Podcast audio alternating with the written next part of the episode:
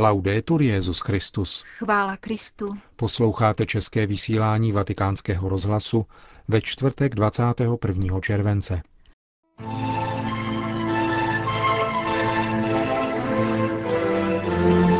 V Bělorusku zemřel kardinál Šviontek. V Somálsku je ohrožen smrtí hladem stejný počet lidí, jako je počet obyvatel České republiky. Irský premiér a parlament ostře napadli Vatikán. To a mnohé další uslyšíte v našem dnešním pořadu, který vás provázejí Jana Gruberová a Milan Glázer. Zprávy vatikánského rozhlasu. Bělorusko. Ve věku 96 let zemřel emeritní arcibiskup Minsku Mohileva a apoštolský administrátor Pinsku, kardinál Kazimíř Šviontek. Jeho pohřeb se bude konat 25. července v katedrále v Pinsku. Zesnulý kardinál Šviontek si narodil ve Valgu na území Estonska. Jeho životní osudy v sobě akumulují pohnuté dějiny polského národa. Ve věku pouhých tří let se roku 1917 ocitl s rodinou ve vyhnanství na Sibiři, odkud se vrátil v roce 1922. Jeho otec mezi tím roku 1920 padl při obraně Vilniusu proti bolševické armádě.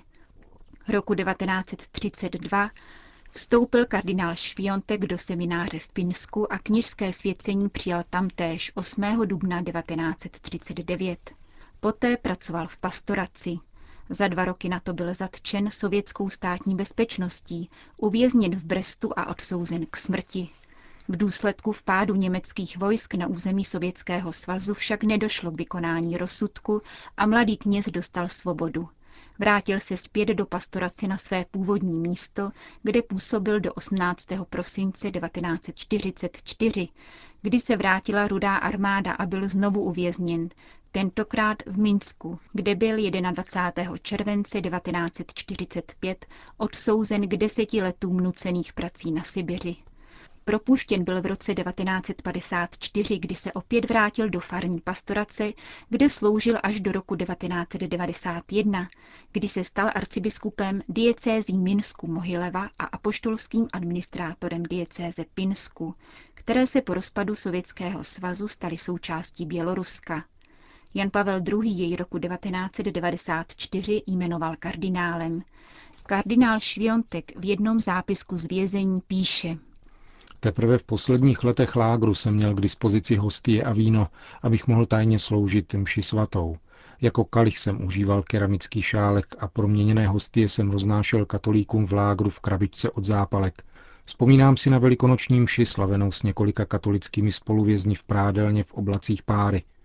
Po celý můj kněžský život to pro mne zůstaly nejkrásnější velikonoce. Kardinál Kazimíř Šviontek vykonával prakticky do posledních dnů pastorační službu apoštolského administrátora v Pinsku.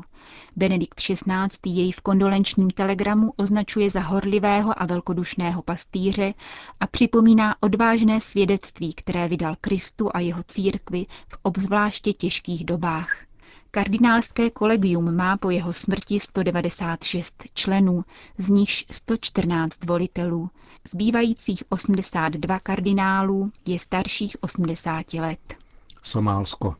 Organizace spojených národů včera oficiálně vyhlásila v Somálsku hladomor 5. to znamená nejvyššího stupně. OSN hovoří o hladomoru, pokud více než 30% dětí v postižené oblasti trpí podvýživou a denně umírají dva lidé na 10 tisíc obyvatel kvůli nedostatku potravin. V nejvíce zasažených oblastech ve středu země, Bakul a Lower Shabele, je to však již 6 lidí a více než polovina dětí je akutně podvyživených. UNICEF tudíž označuje katastrofální situaci za dětský hladomor, neboť více než polovina ze 4 milionů postižených jsou děti. Další regiony na jihu Somálska může hladomor zasáhnout již v příštím měsíci. Dramatickou situaci v zemi popsal pro vatikánský rozhlas redaktor italského deníku La Stampa, který se z oblasti právě vrátil.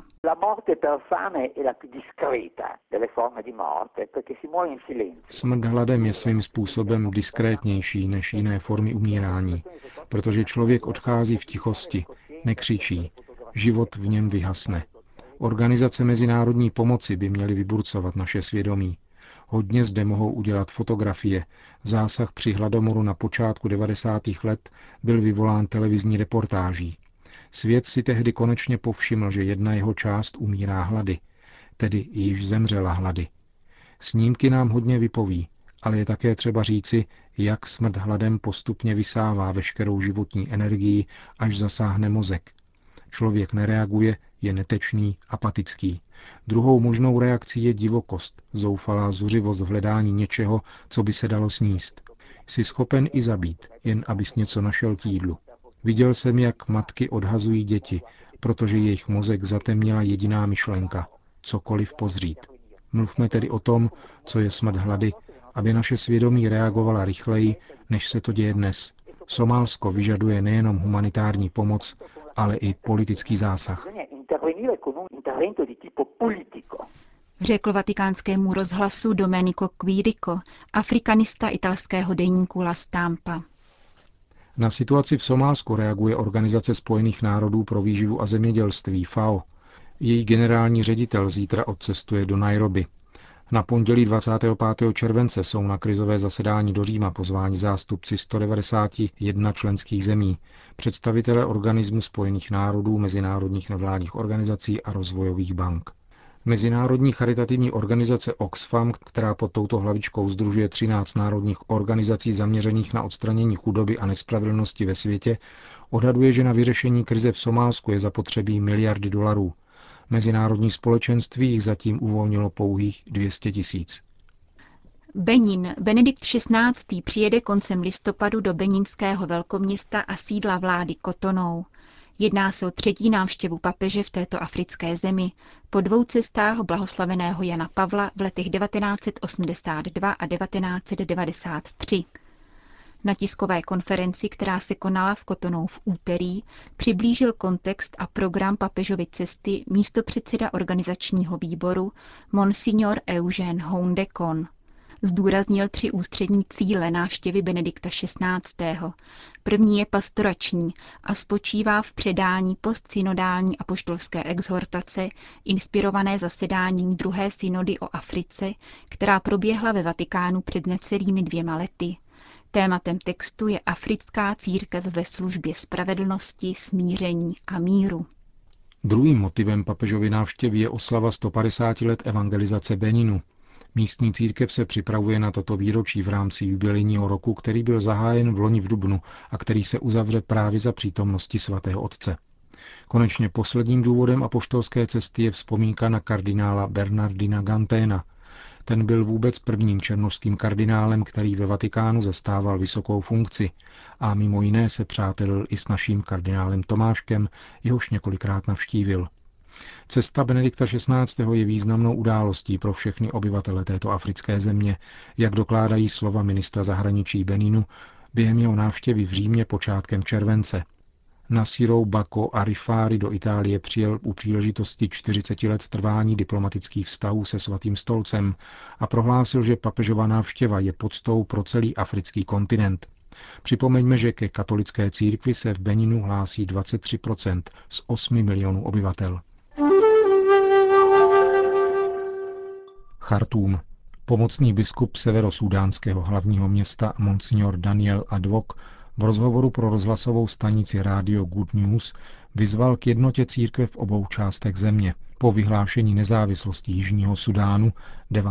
července letošního roku se katolíci na severu nacházejí v muslimském státě, kde platí systém islámského náboženského práva šaria a převažuje arabská kultura. Mnozí křesťané se trvávají na severu, neboť zůstávají nedořešeny otázky ohledně udílení státního občanství, nebo protože je pro ně jednoduše nelehké vše opustit a odstěhovat se. Monsignor Advok dále hovořil o dramatické situaci katolických škol v severním Súdánu. Charitativní organizace, které je provozují, mají stále méně fondů a školné nestačí pokrýt náklady. Súdánská církev tak bude zřejmě donucena definitivně uzavřít některá svá vzdělávací zařízení. Mníchov. Můj bratr papež je jednoduchý a výstižný název knihy Monsignora Georga Ratzingera, která se připravuje k vydání v Mnichovském nakladatelství Herbik na 12. září, tedy těsně před příjezdem Benedikta XVI. do rodného Německa.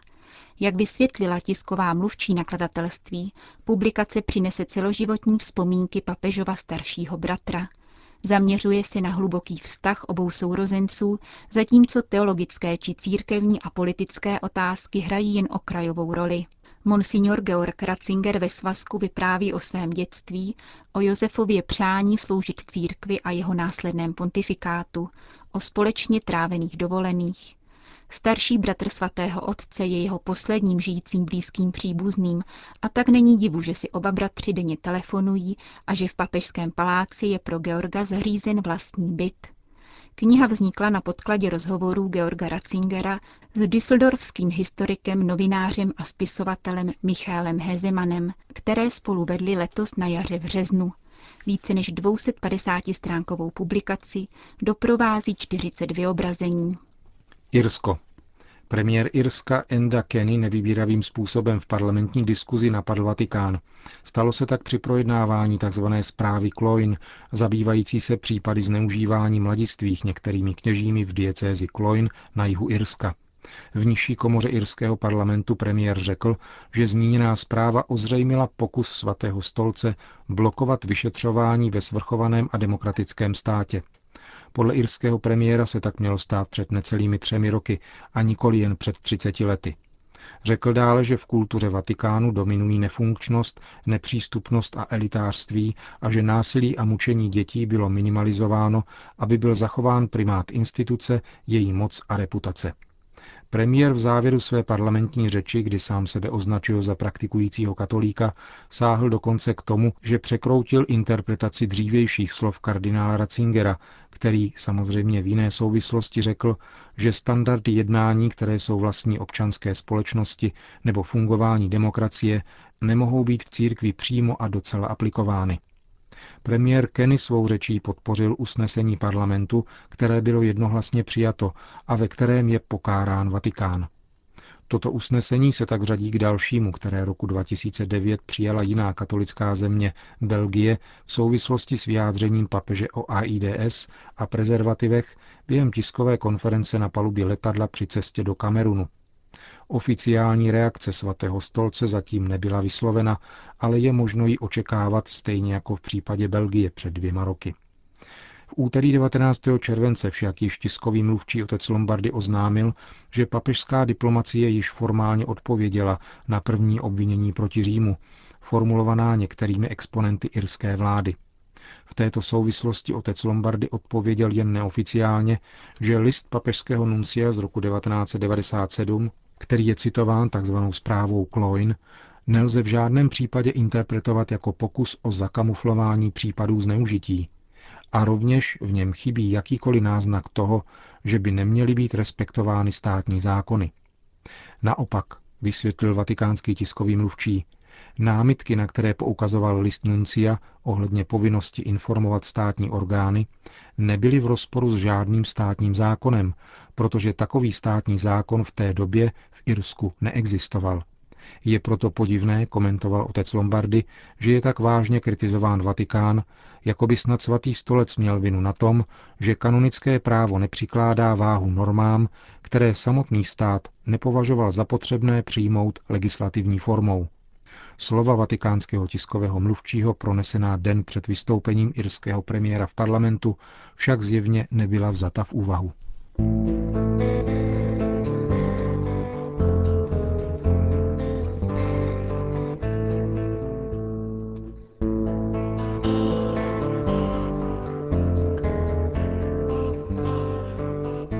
Končíme české vysílání vatikánského rozhlasu. Chvála Kristu. Laudetur Jezus Christus.